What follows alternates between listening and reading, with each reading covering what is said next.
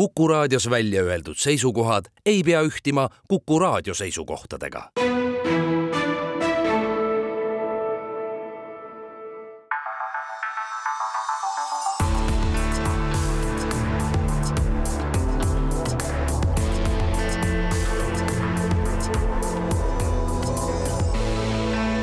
olukorrast ajakirjanduses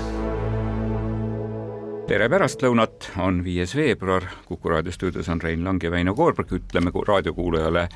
juba ette ära, et me salvestame selle saate tunnikese varem. aga räägime täna ajakirjandusest, meil on tore päev, sellepärast et täna sada aastat tagasi tead, mida hakkas BBC tegema? Pole õrna aimugi. BBC hakkas esimest korda oma programmis piiksutama ehk et hakkas esimest korda laskma enne täistunni täitumisest märku andvaid ajasignaale sada aastat oleme me kuulnud neid piiksutamisi raadioeetris kuidas see oli, et ja need, kes tähele ei pannud piikse, nende jaoks kordame? kordame uuesti.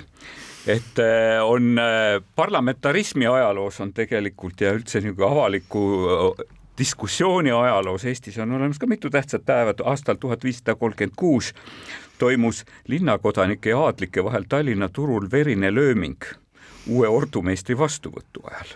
et me ei räägiks sellest, et kui me saaksime tõmmata nagu sealt ajaloolise paralleeli aastasse tuhat üheksasada kakskümmend üheksa, mil Eesti parlamendi ajaloos toimus kõige suurim skandaal, kui põllumeeste kogu häälekandja peatoimetaja Artur Tupits andis sotsialistist äh, haridus- ja sotsiaalministrile Leopold Johansoni Riigikogu vestu, vestibüülis pealtnägijate silme all vastu kõrvu, et, et sellest äh,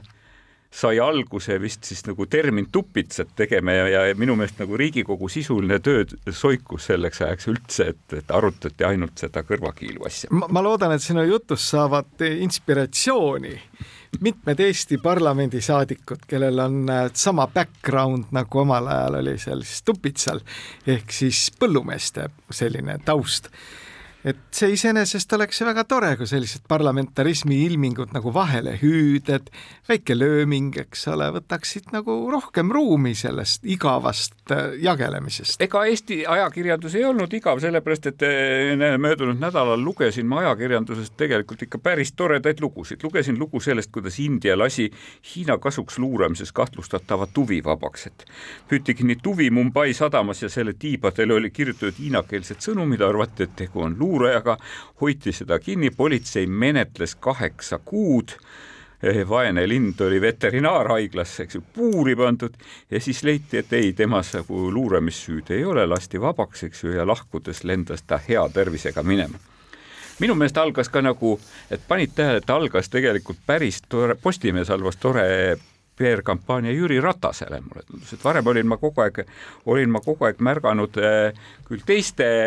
Isamaa tegelaste nagu kõiki toredaid asju Postimehes, sedapuhku siis lugesime armsat uudist sellest, kuidas Jüri Ratas tähistab tütre täisealiseks saamist. armas kõps ja sinna juurde tore meenutus ka sellest, kuidas Jüri ja Karin tähistasid möödunud sügisel oma kaheksateistkümnendat pulma-aastapäeva. no kui sa juba küsid, siis miks ma ei pannud tähele, loomulikult panin tähele ja jõudsin kiiresti ka järeldusele, et see vist päris juhus jällegi ei olnud ja mulle tundub, et Postimehe arvamustoimetajal Martin Ehalal selle peale ühel hetkel viskas ära ja oma saates reedel Kuku raadios püstitas ta hüpoteesi, et Jüri Ratas on Isamaale pigem kulu kui tulu, mille peale siis saate autorid läksid omavahel lõbusasti vaidlema. nii et ei, et ütleme, et ei leidnud päris ühist keelt, aga see Ratase esile, esileolek Eesti ajakirjanduses, muide mitte ainult trükiajakirjanduses, vaid ka siis äh, telepildis, eriti ERR-is, oli muidugi muljetavaldav. ja ütleme kõigi, kõigile raadiokuulajatele, et äh, selline arvamus, et kõik Eesti ajakirjanikud lihtsalt täitsa juhuslikult tulid selle peale, et neid alearmsaid lugusid edastada, see ei ole väga reaalne no jah, ma ei oska seda ütelda, et, et, et enne kui me nagu põhiliste teemade juurde paar tähelepanekut veel, me möödunud nädala vaatame, sest no sinu lemmikvaldkonnas, et kui ma vaatan alati ETV-d, eks ju, siis ma märkan igasuguseid asju, et esimese hooga ma märkasin, vaatasin, vaatasin koos seltskonnaga suurepärast saadet Rakett kuuskümmend üheksa ja siis ma märkasin, et terve saade oli ära bränditud, et Elektrilevi ja Enefit olid sedapuhku ära brändinud saate Rakett kuuskümmend üheksa, kõik logod vaatasid ikka kõik kiivritelt igalt poolt seinalt tagant, eks ju, paneelidelt igalt poolt vaatasid vastu. mõtlesin, et arvatavasti on tegu juhusega, see ei saa olla reklaam, see ei saa olla sisuturundus, et siis äh, pöörasin tähelepanu laupäevasele maahommikule maahommikus oli mingi veerand tundi räägiti Omniva tublist tööst ja siis äh, suurepärasest nutipostkastist, mida väike, väike startup, eks ju, koos Omnivaga maainimestele arendab eks ju, väga tore. ja siis vaatasin ka, et, et, et millal tuleb nüüd see Selveri lugu sellest, et meil on uus hinnapoliitika ja ja millal tuleb siis näiteks Telia tund sellest, et meie kõrged hinnad tegelikult tulenevad meie suurtest sisendhindadest ja kuludest, eks ju, ja ja millal tuleb siis, eks ju, ma ei tea, mingisugune väikelaen kakskümmend neli null seitse, eks ju, kes ütleb, et, et me saame nüüd tegelikult inimesi aidata juba pelgalt ühe sõnumi peale peal. ma julgeksin sulle meenutada, et Rahvusringhääling reklaami ei tee, sest reklaam on keelatud. ja Erik Roose vastus kogu sinule eelmisele jutule on ilmselt, et teie seal viinavabriku kõrval olete ilmselt aurude küüsis. ja sellega see diskussioon lõpeb küllap me siis oleme, aga asume siis te tänaste teemade juurde, et minu pakun esimeseks teemaks ikkagi seda, et mulle väga meeldis nädalavahetuses äh, Õhtulehe peatoimetaja Martin Šmutov esines oma järjekordse äh, aruandega lugejale ehk et tegelikult äh, pikema arutluslooga ajakirjandust ja sellest, millised peaksid olema ajakirjanduse eesmärgid, millised on ajakirjanduse suurimad probleemid ja milliseid eesmärke seab tema Õhtulehe toimetajana ja tegelikult Eesti ka suurima paberlehe peatoimetaja oma toimetusele ja, ja päris mitu niisugust arutlusvajalikku teemat oli seal olemas, ühtepidi see, et, et kas ja kuidas me selleks äh, Ukraina sõjaks valmis oleme ja kuidas on toimetused valmis praegu et noh, ta kirjeldab, et tegelikult ega seda suurt valmisolekut ei olnud,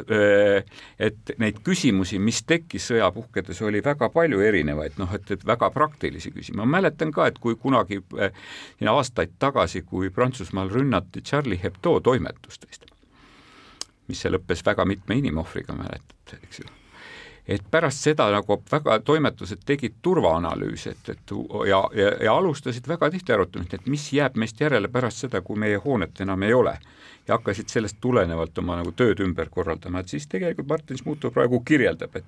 et kas me äh, kas me nagu saame oma uksed lahti, eks ju, tähendab, et mis me teeme siis, kui internet ära kaob, mis saab siis, kui mobiilsidet enam ei ole, et eks ju, või kui trükikoda enam elektrit ei saa, eks ju, niimoodi. väga palju huvitavaid, minul kui nagu ajakirjandusinimesel oli hästi palju huvitavaid nagu momente, mis selle toodud, et et kas meil on olemas lihtsustatud maketid, et üks inimene oskaks ja jõuaks terve lehe ära kujundada ja ja, ja kuhu Soome või või, või Saaremaa kaugemasse nurka me pakku saame minna aga kas sulle ei tundu, et see läinud nädal oli üldse selline ajakirjanduse poolt äh, sissevaatav? see Šmutovi äh, aruanne lugejale ei olnud ju nagu üksikjuhtum, tegelikult oli kirjutisi ja arutelusid oli ju mitmeid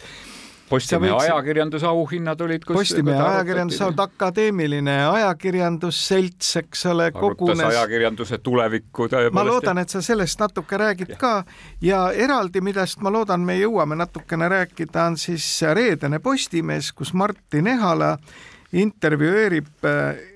USA professorit kes väga põhjalikult tegelikult käsitleb seda teemat, et ajakirjandus on muutunud selliseks üsna polariseerunuks, kus siis keegi enam ei kuula teist, vaid kestab, käib selline vastastikune üksteisest ülekarjumine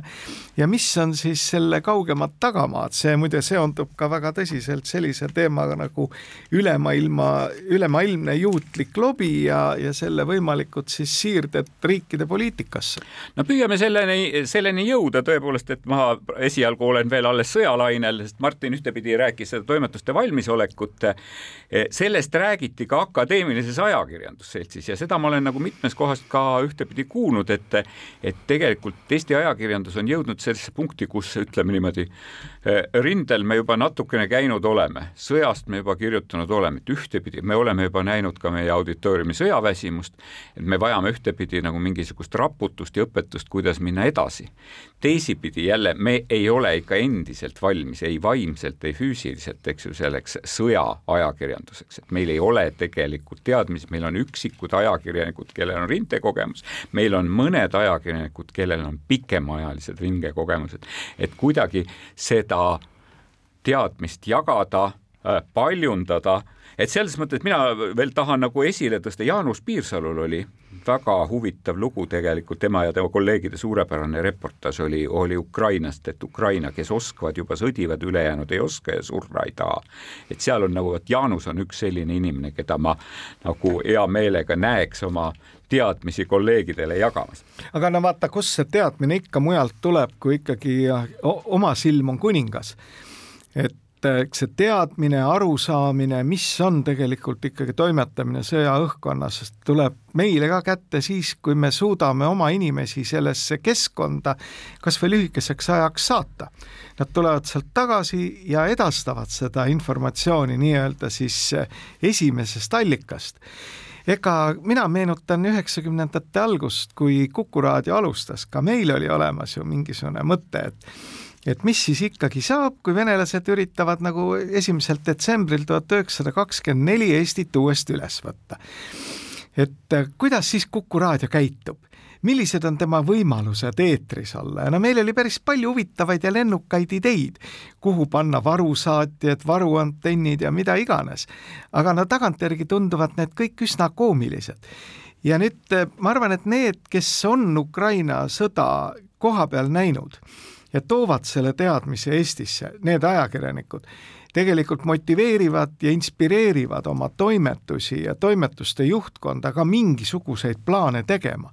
Need plaanid võiksid ikka olemas olla, et mine sa tea, ega kui me elame juba niisuguse toreda naabri kes-, kõrval, siis me peaksime olema selleks valmis, et nad midagi ette võtavad ja jällegi tuleb õppust võtta juutidelt, Iisraeli riigist aga sellest kõigest me räägime pärast väikest pausi.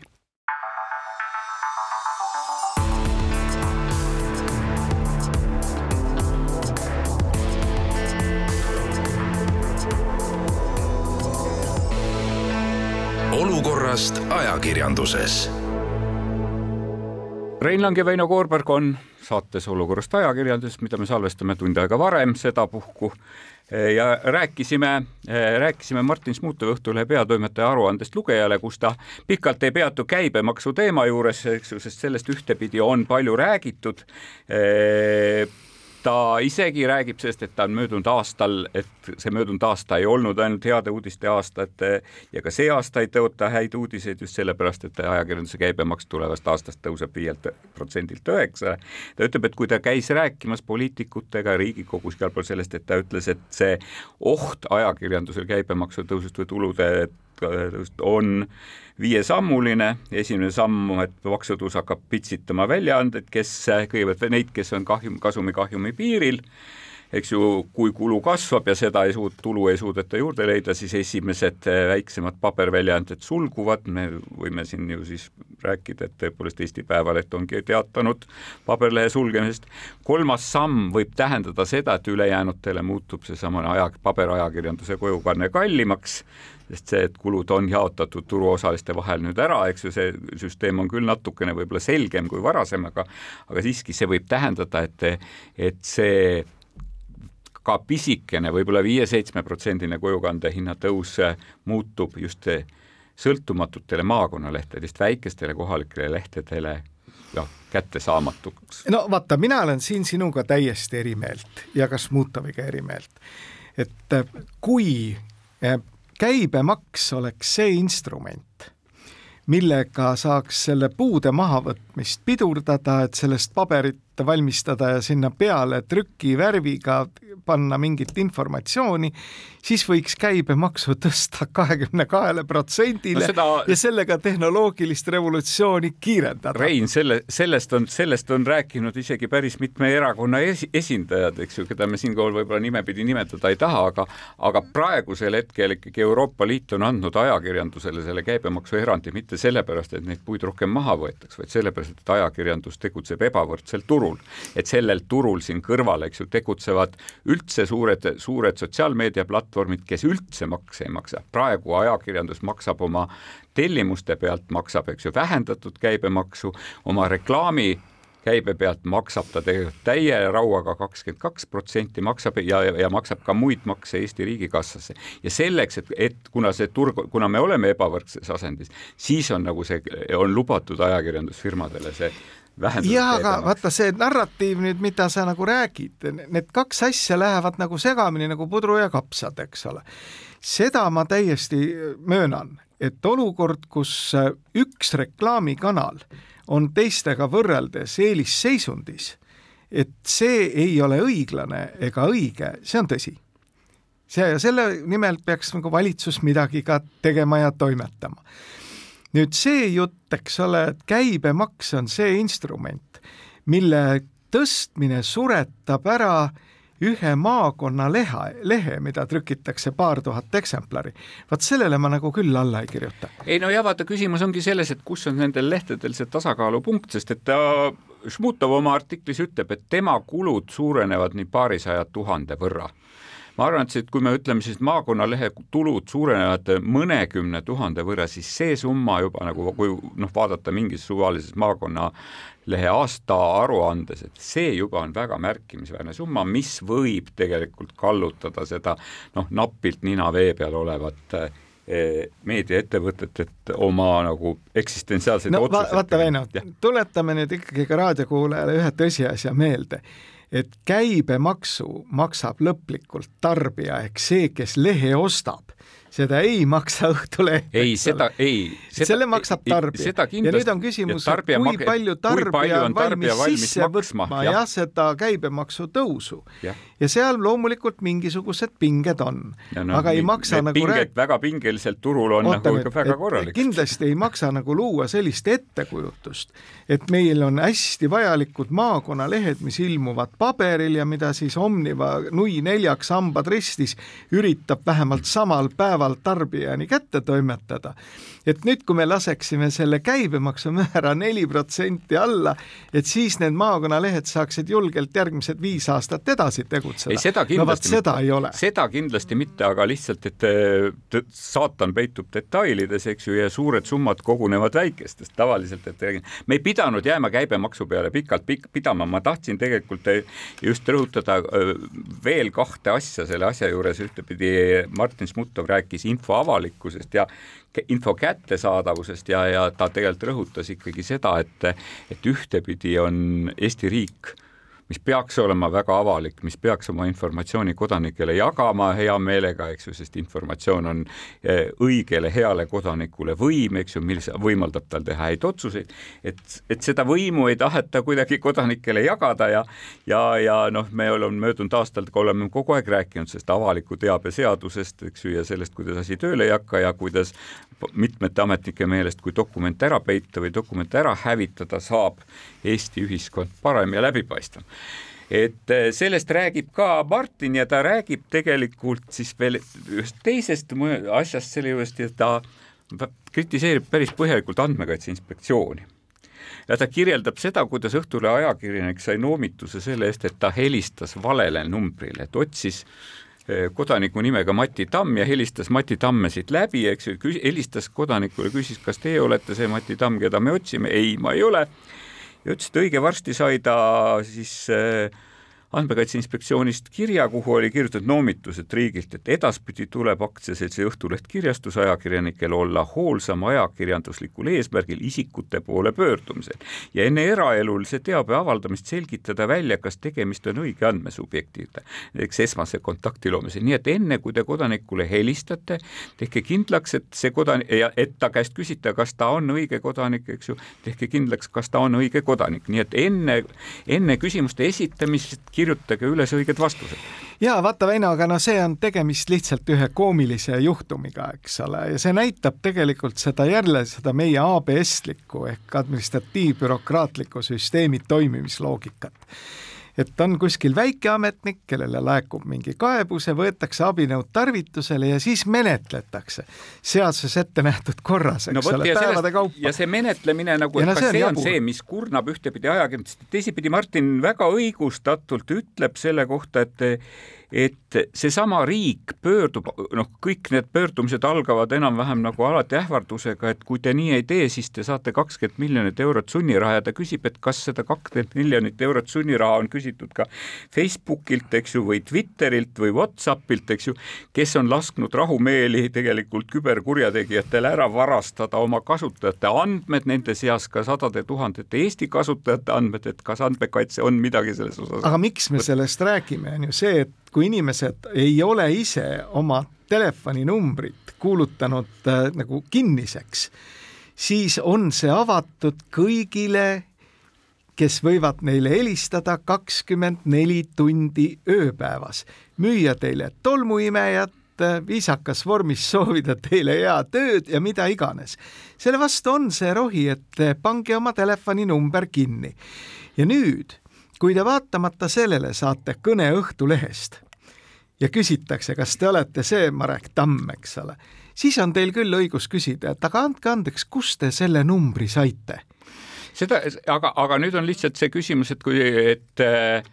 kuidas peaks ajakirjandus, eks ju, siis õigeks teada saama, et ta helistab õigele Marek Tammele. vaat, vaat nüüd on see küsimus, et kas meie andmekaitse nagu selles mõttes, kas meie isikuandmete kaitse tähendab ühel hetkel, kui ta nagu viiakse selle, noh, see on seesama, kuidas, kui me täidame saksa täpsusega neid Vene seadusi, eks ju niimoodi, et kas see ei muuda ühel hetkel seda ajakirjandust peaaegu võimatuks? jah, aga ega see, kui inimene ei soovi oma telefoninumbrit avaldada ja see on kuskilt ikkagi lendu läinud ja selle alusel on loodud mingisuguseid imelikke andmebaase, mis on tegelikult Eesti turunduses no meiliaadressidest me räägime ka, tegelikult ma arvan, et kui me, me võime kõik nagu muides... otsida Mati Tamm, mati.tamm.gmail.com, andku kõik aga... Mati Tammed meile andeks, et me raadios nende näitel nüüd räägime. teadupoolest on seadusevastane. Nii et ega selle andmekaitse puhul tegelikult tuleks jällegi ju rakendada tervet mõistust, eks aga tervet mõistust ABS-is, eriti kui ta on no, kogu aeg paisunud nagu, tervet nagu mõistust on piiratud koguses. siis seal jah, hakkab tekkima kõikvõimalikud sellised anomaaliad. ja nüüd, kui need anomaaliad tõesti kulmineeruvad sellistes noh, minu arvates tähtsusetustes case ides, nagu see konkreetne telefonikõne, millele Šmutov oma pikas jutus viitab, siis see tekitab ühiskonnas selliseid huvitavaid pingeid ühelt poolt räägitakse, eks ole, vajadusest ühiskond muuta läbipaistvamaks, vabandust, kelle arvel, kas siis üksikisikute arvel või teise käega räägitakse vajadusest kaitsta üksikisikute privaatsust. ja mitte üksikisikute, üha häälekamalt on hakatud rääkima, et vaja on kaitsta ka juriidiliste isikute privaatsust ühtepidi ja teisipidi, et vaja, räägitakse ka vajadusest, et vaja kuidagi kompenseerida juriidiliste isikute hingelisi kannatusi. no eks juriidiliste isikutel on ka ikkagi õigus ju lõppkokkuvõttes oma ärisaladuste kaitsele, mida iganes. ja minu arvates ka au ja väärikuse kaitsele, ehkki on olemas ka selline õiguslik doktriin, et äh, juriidilisel isikul au ja väärikust ei eksisteeri. nüüd palju hullem on tegelikult selline huvitav kontseptuaalne lähenemine, mida ma olen hakanud kuulma, et ka siis omavalitsusel või riigil on vaat see au ja väärikus ja kui seda solvatakse, et siis võib esitada mingeid kahjunõudeid nii et ega siis, aga meil on vaba maa, igalühel on tegelikult õigus levitada oma ideid ja arvamusi nii palju, kui kulub. aga mis oleks nagu oluline minu arvates on see, et ajakirjandus kui see vahendaja võiks ikkagi aru saada, mida ta paljundab ja mida ta võimendab ja mida mitte. ja no kõikvõimalikke lollusi, eks ole, need võivad mõjuda küll väga seksikalt, eks ole, pikk lugu tuvist, keda hoitakse kuus kuud kinni kahtlustatuna spionaažis või siis mingi andmekaitse inspektsiooni tütarlapse ettekirjutus et sellest võib ju punuda mingi tohutu intriigi, aga kas see on nagu tähtis teema või mitte, eks see on nagu peatoimetaja otsustada. ja peatoimetaja Martin Smuutov on öelnud, et, et kui ta see, kui ta arutab digitellimuste hulga ja selle peatumise juures, et, et äkki on küsimus sisus, et mille, mida, millest loobuda, mida tuleks rohkem teha, et kui vaadata klikke, siis kõige edukamalt saaks müüa seksi ja tõenäoliselt esoteerikat, kuid tuleb mõelda ka põhimõtetele. soovitan seda lugu kõigil rääg- äh,, lugeda. meie siinkohal teeme väikese pausi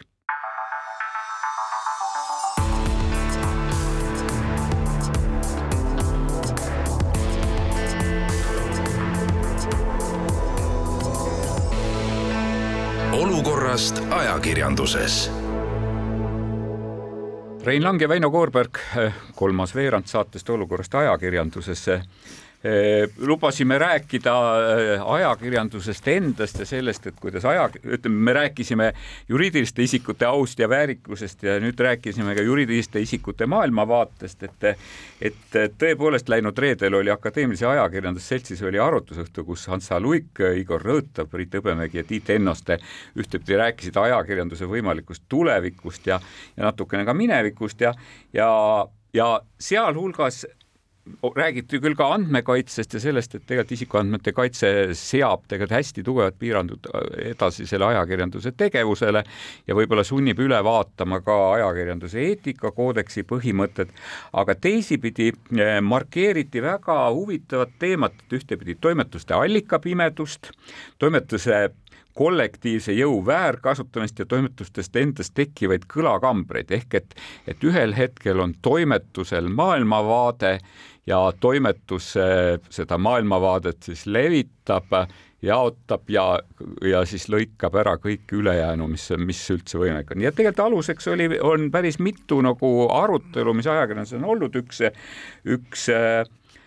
üks põhimõttelisemaid on olnud The Economistis ilmunud programmiline artikkel, kui New York Times kaotas oma tee käest või, või, või When New York Times lost its way, kus New York Timesi endine arvamustoimetaja, nüüdne Economisti kolumnist räägib räägib sellest, kuidas New York Timesi nagu kollektiivne maailmavaade hakkas tegelikult eh, ma-, ajakirjanduse maailmakainet nägemist eh, segama. me peame muidugi täpsuse huvides siin eh, kordama ka seda, et antud autor The Economistis on ikkagi New York Timesist lahkunud mees. nii et ta mulle tundub, et tema artiklis on ikkagi teatav kibestumus selle New York Timesi suhtes ka olemas, aga jutt on väga huvitav. ja nüüd see, et niisugused jutud leiavad oma kõlakambri ka akadeemilises ajakirjandusseltsis, see on minu meelest ülipositiivne see, kui ajakirjandus hakkaks tegelikult vaatama neid protsesse, mis toimuvad maailmas, eh, neid analüüsima ja mõtlema selle üle, et millised siirded nendest protsessidest tegelikult on täheldatavad ka Eestis, siis ma arvan, Eesti ajakirjanduse tase võiks tõusta ja miks ma tegelikult olin irooniline natuke selle Martin Šmutovi äh, aruande suhtes, ongi see, et Martin ajab õiget asja. ta vaatab seda selle pilguga, kuidas selline väljaanne nagu Õhtuleht ikkagi saaks paremini teenindada oma lugejaid. kas aga need teemad on nüüd sedavõrd olulised, et äh, nad tuleksid teemadeks näiteks Eesti parlamendis või siis äh, mingites tõeliselt akadeemilistes kogudes, selles ma siiski natukene kahtlen. mina ei ole päris seda meelt, sellepärast et võib-olla sa ei ole kaua Õhtulehte lugenud et ei, asi, asi võib, asi võib, asi võib olla selles, et, et kui ma hakkan, et kui ma hakkan mõtlema, et noh, et kui me meenutame Bonnieri preemia lugu, mille eest tõepoolest Õhtuleht Bonnieri preemia sai Mailis Repsi eh, lapsehoidjate lugu, eks ju niimoodi, siis see siiamaani, ma ei tea, kas see on jõudnud parlamendist kuidas see parlamendis on leidnud kajastust, aga ma arvan, et Eesti kohtusüsteemis, eks ju, ja Eesti prokuratuuris leiab see päris tugevat äramärkimist. see kõik on õige ja ütleme, et ega siis Suurbritannia kollane ajakirjandus on ka mitmete väga suurte oluliste protsesside algatajaks olnud. nii et need, see pilt ei ole päris mustvalge. aga nüüd on küsimus tõesti see, et, et kas nagu maailmavaateline ühtepidi nagu ajakirjandus on alati hea ja, ja mul tuleb õhtu, tundub, et me räägime täna terve saate Õhtulehest, et andku kõikide teiste väljaannete nagu kuulajad ja fännid meile andeks. aga no mulle tuleb meelde see aeg, et kui Eesti nagu plaanis astuda Euroopa Liitu. Ja sa mäletad, et tegelikult sellel ajal noh, käis väga tugev nagu pro-Euroopa Liidu kampaania, eks niimoodi, ja mulle tundus, et nagu need, needsamad kvaliteetväljaanded tollel hetkel tõepoolest võtsid, võtsid sellise positsiooni, et, et arvamuskülgedel ilmugu ainult, ilmugu ainult pro-Euroopa Liidu arvamuslood ja kõik teised tõrjutakse kõrvale ja, ja ma tean, et me saime väga palju kriitikat sellega, et me julgesime avaldada Ivar Raigi, kes oli alati nagu euroskeptilisel positsioonil, eks ju niimoodi. ja kui seal mingil hetkel keegi tegi mingit statistikat, siis selgus, et jah, ka Õhtulehe arva-, Euroopa Liidu teemalist arvamuslugudest kaks kolmandikku olid poolt, üks kolmandik oli vastu. kui me meenutame, milline tuli nagu Euroopa Liidu rahvahääletuse tulemus, siis see oligi vist umbes samasugune. ja, ma arvan, see näitab sedasama tendentsi, eks ju, tähendab, et sa pead tegelikult noh, et sa ei saa nagu silmaklappidega vaadata ainult sulle sobivaid eh, ideoloogilisi konstruktsioone, vaid sa pead vaatama ka nagu kõrvale ja, ja tunnistama nende olemasolu. oota nüüd, Väino, ega siis see Euroopa Liidu äh, debatt see on küll äh, esmapilgul väga hea näide sellest, kuidasmoodi ka toimetused võtsid väga selge hoiaku ja noh, teie jah, nagu ooplete sellega, et te avaldasite no ei oople, lihtsalt ma Raigi, toon selle näitena. aga ega siis see ei ole nüüd ka päris nii, et kui on olemas mingisugune, no võtame sellesama Euroopa Liidu, liitumine Euroopa Liiduga, seal oli tohutu hulk informatsiooni selle kohta, mis asi on Euroopa Liit, kuidas see mõjutab Eesti majandust, Eesti ühiskonda. Ja oli ka seda, mis on need negatiivsed pooled, aga no ütleme, et oli ka väga palju neid autoreid, kes tahtsid lihtsalt iseenda teadvustamise huvides kuidagi kalambuuritseda ja, ja no ütleme ka valetasid ühiskonnale ega siis valet ei pea tingimata võimendama selles olukorras lihtsalt, et tuua siis mingi teine pool ka välja. ei, seda kindlasti, selles mõttes, et see... ajakirjandus oleks pidanud tegelikult väga tugevamalt tegelikult äh, kõikidesse nendesse avaldustesse, ka väga ülipositiivsetesse avaldustesse, näiteks mõni suursaadik äh, või siis ka selgetes ähvardustes, ma mäletan, et Aktuaalse Kaamera õhtuses eetris esines üks suursaadik, kes ähvardas meid, ma ei tea, millega kõigega, eks ju niimoodi tollel hetkel, aga no see on minevik, sa tegelikult tahtsid mina olin sa tahtsid selle... rääkida Martin Ehala intervjuust selles mina olin valguses. selle Euroopa Liiduga liitumise protsessi ajal äh, avaliku võimu esindaja ja ma julgen väita, et seda informatsiooni tegelikult see nii Eesti parlament, valitsus, kõikvõimalikud mittetulundusorganisatsioonid, Kaubanduskoda, seda informatsiooni pakuti Eesti inimestele küll ja veel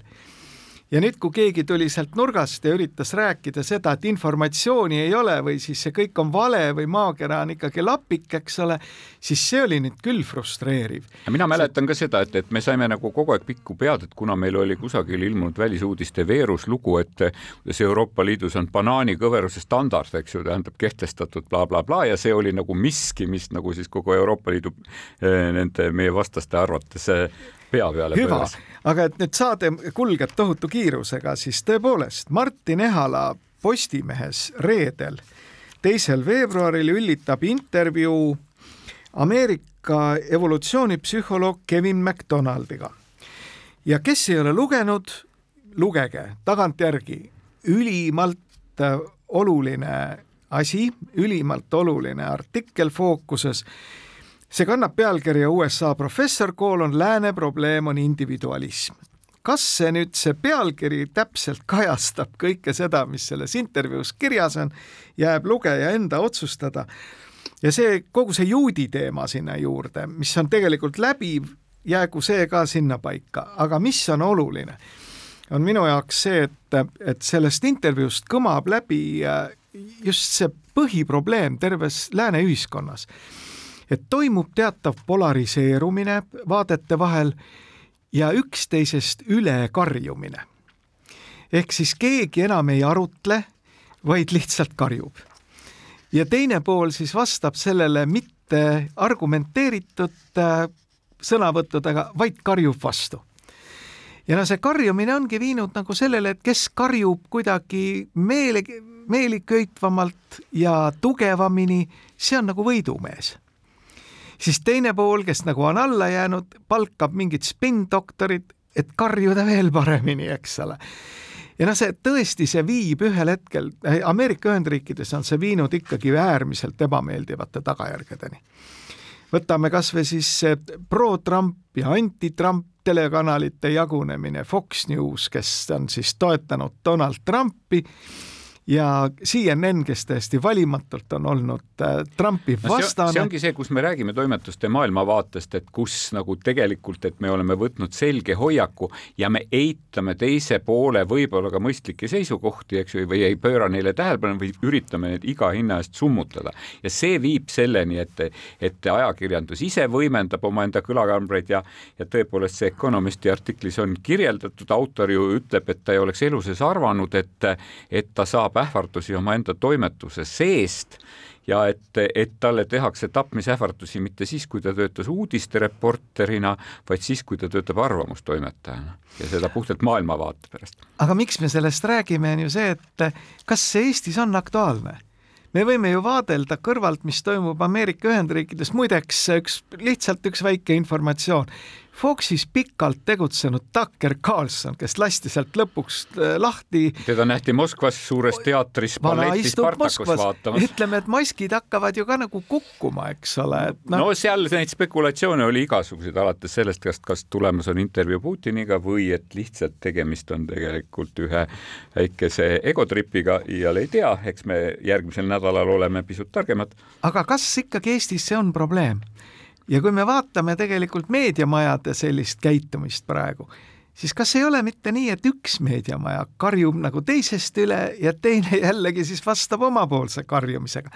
aga seda tehakse kuidagi sordiini all seni veel. ja nüüd euroopalik lähenemine ehk siis, et kuskil peab olema tasakaalustav rahvusringhääling, avalik-õiguslik ringhääling, siis see ei tee selles olukorras mitte midagi, vaid teeb lauluvõistlust, eks ole. meie teeme siinkohal väikese pausi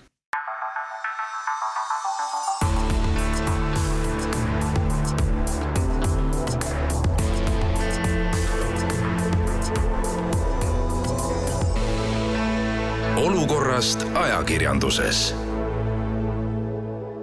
Rein Lang ja Väino Koorberg saates Olukorrast ajakirjanduses läheme viimasele neljandale veerandile, salvestame selle saate tund aega varem, juhul kui selle tunni jooksul midagi on juhtunud, siis meie pole süüdi. et mõni paberleht kinni pannakse. rääkisime sellest, et, et kuidas meediamajad üksteise peale karjuvad. et ma tahaks siiski öelda, et, et lisaks karjumisele tahaks häid sõnu ka ütelda. möödunud, möödunud nädal tõi meile tegelikult lisaks sellele, et äh, selgusid Bonnieri preemia, selgusid Postimehe ajakirjandusauhinnad, selgusid Bonnieri preemia nominendid, eks ju. ilmus Eesti Ekspressis äh, väga märkimisväärne ajakirjanduslik teos mis äh, ajal artiklisari, mis räägib idavedudest, eks ju. ja sedapuhku ei ole jutuks mitte peaminister Kaja Kallase abikaasa ärid Venemaal, vaid äh, seda, et, et tegelikult äri ajamine Venemaaga jätkub ja jätkub väga suures ole, ulatuses ja et võib-olla isegi äh, no ma päris täpselt ei julge siin ette, aga võib-olla isegi, et noh, et äh, seda mängu mängitakse nii mõnegi Vene suure ärimehe ja oligarhi nagu väravasse väga toredalt. no BBC tõi täna ju suurepärase materjali lagedale, kuidasmoodi Suurbritannia autojuhid muudkui aga tarbivad seda kütust, mis on tegelikult tehtud Vene naftast ja kuidas see siis legaliseeritakse või puhtaks pestakse, on läbi India India ostab naftat, rafineerib seal autokütuseks ja britid muudkui tangivad seda või noh, tegelikult ma pean seda Ekspressi praegust materjali üheks kõige tähtsamaks ajakirjanduslikuks materjaliks üldse viimase kuskil viie-kuue aasta jooksul. sest see on, vot see on ajakirjandus, et sa võtad kätte ja uurid, vaatad tollideklaratsioone vaatad seda põhjalikult ja alles siis käid uurid välja. isikuid, uurid sugupuid. uurid sugupuid jah, ja, ja siis mi, kuidas sellele vastatakse, ka seda siis analüüsitakse ja see on tegelikult ja päris iroonilisi, päris iroonilisi näiteid tõepoolest tuleb, et, et ühtepidi me peame siis mõtlema, juriidiliselt tundub kõik korrektne olema, juriidiliselt on kõik korrektne, kuid kas kahekümne esimesel sajandil jokk ikka ainult on see ainukene asi. Või me peame ikkagi tooma mängu ka mokki ehk moraalselt on kõik no aga siia see koer ju ongi maetud, ega siis lõppkokkuvõttes lihtsalt viide sellele, et juriidiliselt on õigus seda niimoodi teha, see ongi kogu meie lääne tsivilisatsiooni alus ehk eraisik või erafirma võib teha kõike seda, mis seadusega keelatud ei ole, ta võib seda teha. kas see ühiskonna poolt on moraalselt aktsepteeritav, kas siin rakendub see kanti loogika, mis on Eesti põhiseaduses ka muide kirjas, puhtjuriidilises dokumendis, et õiglus on alati üle õigusest, vot see on küsimus. ja seda, mis tegelikult toimub selle õigusraamistiku sees, selle oma lugejate, vaatajate, kuulajateni toomine, see ongi ajakirjanduse ülesanne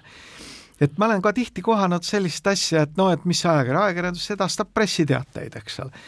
et see ei ole päris nii. ma ei julge seda öelda jah, et ma ütlen siiski, et ma Eesti uurivat ajakirjandust tahaksin väga kiita ja olen selles saates ka ikka korduvalt kiitnud, et praegusel hetkel ka, et seesama moraalse hoiaku võtmine, ütleme selles mõttes, et et need, kes süüdistasid tegelikult ajakirjandust selles, et ta nagu Kaja Kallase teemat ei lasknud põrandale põrgatada, eks ju oli sama, et, et tegelikult vist arvatavasti ei saanud aru, et jah, juriidiliselt võis asi olla korrektne või peaaegu korrektne, moraalselt ei tundunud olevat, tundus olevat silmakirjalik. aga et tõepoolest minu jaoks see silmakirjalikkus tuleb nüüd see, me peaks nagu üle vaatama tõepoolest need juhtumid, me rääkisime Andre, Andres Mustonenist kes käis ja mängis viiulit, eks ju, niimoodi ja sai tühistatud, eks ju, ja sai nagu sellest samusest avalik, ühtepidi avalikkuselt, teisipidi ka Eesti riigilt, eks ju, niimoodi toreda litaka. me peame rääkima Prantsuse lütseumi õpetajast, eks ju, kes osales Puškini konkursil. me peame võib-olla rääkima ETV Plussi nagu kaastöötajast, kes aastal kaks tuhat viisteist oli käinud veel enne, kui temast sai noor ajakirjanik, oli käinud Krimmis eks ju ja, ta sattus nõnda Miro Dvoretsi nimekirja, eks ju, ja ta sai väga selge nagu moraalse hoiaku osaliseks, eks ju, Rahvusringhäälingu poolt, eks ju, et kas me peaksime, et kas me nagu inimestena, kodanikena, tarbijatena peaksime oma moraalset hoiakut kuidagi selgemini väljendama? no aga see ongi see küsimus, et me tegeleme teinekord asjadega, mis on kõigi silme all jah, Andres Mustonen käis Venemaal esinemas. ja tal oli sai, väga lihtne ka nagu lajatada sai nii, et tolmas, eks ole. samal hetkel toodeti Maardu külje all kuullaagreid Vene autodele Kamaz, mis otseselt äh, osalevad sõjas. no isegi on olnud iroonilisemaid juhtumeid, et sõja puhkedes ma tean, et, et Ukraina et meditsiinitarvete tootjad, eks ju, kuidagi vist varustasid äh, Vene sõjaväge meditsiinitarvetega ja, ja ei saa sugugi välistada, et need tarned läbi Eesti või vähemalt ainult Eesti firmade osalusel ei oleks käinud. aga muideks, ma arvan, et ajakirjandus ei pea esimeses etapis kohe nüüd hakkama moraalseid hinnanguid andma. see kõige olulisem ongi see teave, et jah, kusagil Maardus on selline tootmisettevõte see tootmisettevõtte väljund on mingid kuullaagrid, mis lähevad Venemaale, lähevad sellesse tehasesse, kus toodetakse masinaid, mis on sõjalise otstarbega kasutatavad. see on äär, äärmiselt oluline, sealt hakkavad tegelikult paljud asjad nagu edasi hargnema. aga no ütleme, et meil on tihtipeale kombeks, et seda faktoloogiat, see tuleb hiljem, kõigepealt tuleb moraalne hinnang no jaa, mida Reina... vähem on seda moraalset hinnangut esimeses etapis, seda parem. meil on vaja teadmisi ja see, kui ajakirjandus tõesti vaatab seda, muide ka Ülesradio on viimasel ajal väga põhjalikult vaadanud Soomes kõikvõimalikke kaarhalle ja pisikseid värkstubasid, kus endiselt toodetakse Vene partneritele mingeid jubinaid, mis lähevad eriskeemide kaudu üle Soome piiri. Need ei ole ebaseaduslikud toimingud, aga see lõpp-produkt võib olla väga edukalt kasutatav ka Ukraina vastases võitluses. ja seda on tegelikult selle Soome maksumaksjal õigus teada, nagu ka Eesti maksumaksjal on õigus teada, mis tema territooriumil toodetakse nii et väga no, tänuväärne tegevus. seda informatsiooni saab temani tuua nüüd ajakirjandus, aga ma tahaks siia nüüd põimida veel ühe möödunud nädala teema selle asja juurde, sest et me siis nüüd nagu räägime ühtepidi täiesti konkreetsetest firmadest, sellest, kuidas nad on osutanud teenuseid või tarninud või tarninud oma kaupu või vastupidi, osutanud oma teenuseid, eks ju, sõjas osaleva Vene firmadele, ka tegelikult Putinile lähedal seisjate oligarhide firmadele, eks ju, firmadele Rosatom ja nii edasi ja nii edasi, eks ju, teisipidi, et me räägime, aga need kõikide nende äride puhul võib siis öelda, et juriidiliselt on kõik kor korrektne, eks ju, niimoodi, kui me läheme kohtusse, siis juriidiliselt ajakirjandus on suhteliselt libedal jääl, moraalseid hinnanguid kohus tavaliselt väga palju ei anna, et Kari Kinter, vandeadvokaat ja suhtekorraldaja Lauri Linnamäe ERR-i portaalis möödunud nädalal avaldasid loo tegelikult küllaltki see kriitilise, pisut minu jaoks üle võlli loo, kus nad joonistavad pildi ajakirjandusest kui millestki sellisest nähtusest, kes ühtepidi ei tunnista oma vigu, kui neid vigu talle näidatakse, et siis nad üritavad seda eitada, pisendada ja tõstavad üles selle küsimuse, et kuidas saavad isikud ja sealhulgas ka juriidilised isikud kaitsta oma au ja väärikust ja oma head nime, eks ju, ja kas kohus, eks ju, suudab kõiki neid kahjusid kokku, kokku lugeda. et ma ühtepidi tahtsin tõepoolest väga teravalt nagu protestida selles suhtes, et kui me nagu ütleme, et kui me arutame eetika küsimusi, moraali küsimusi ja näiteks tõepoolest seesama pressinõukogu annab hinnangu, et ajakirjandus kas eksis või ei eksinud, et, et sellest nagu ühtepidi ei piisa. no ja vaata, ega siis kõik need ühiskondlikud suhted ja mõjurid ongi ju vastastikused et sina oled oma, meie saates korduvalt tegelikult äh, süüdistanud äh, mitmeid suuri korporatsioone selles, et nad üritavad ajakirjandust vaigustada sellega, et te, teevad mingeid hagisid, mida siis need vaesed ajakirjanikud ja vaesed ajakirjandusorganisatsioonid peavad nendega toime tulema kohtus, et see on kulukas, aeganõudev, oskusteavet nõudev, mida iganes.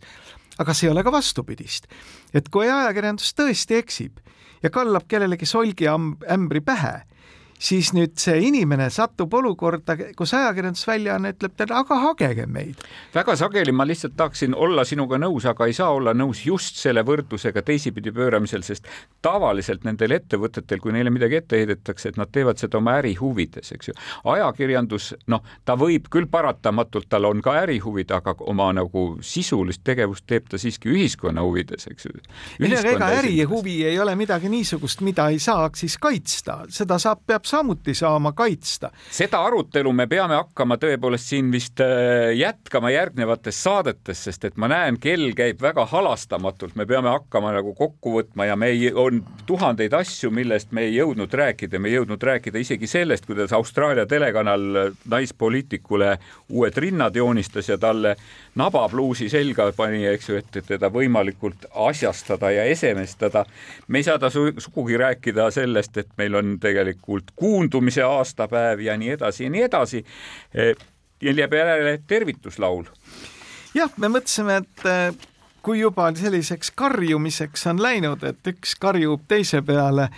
vasakliberaalid eh, paremkonservatiivide peale ja siis üheskoos karjutakse kesk, kesk, keskmise poliitilise vaate peale, siis kõige ajakohasem võib-olla oleks Soome meeskoor Huudajad ehk karjujad ja nende surematu lugu Kalinka. kohtumiseni nädala pärast.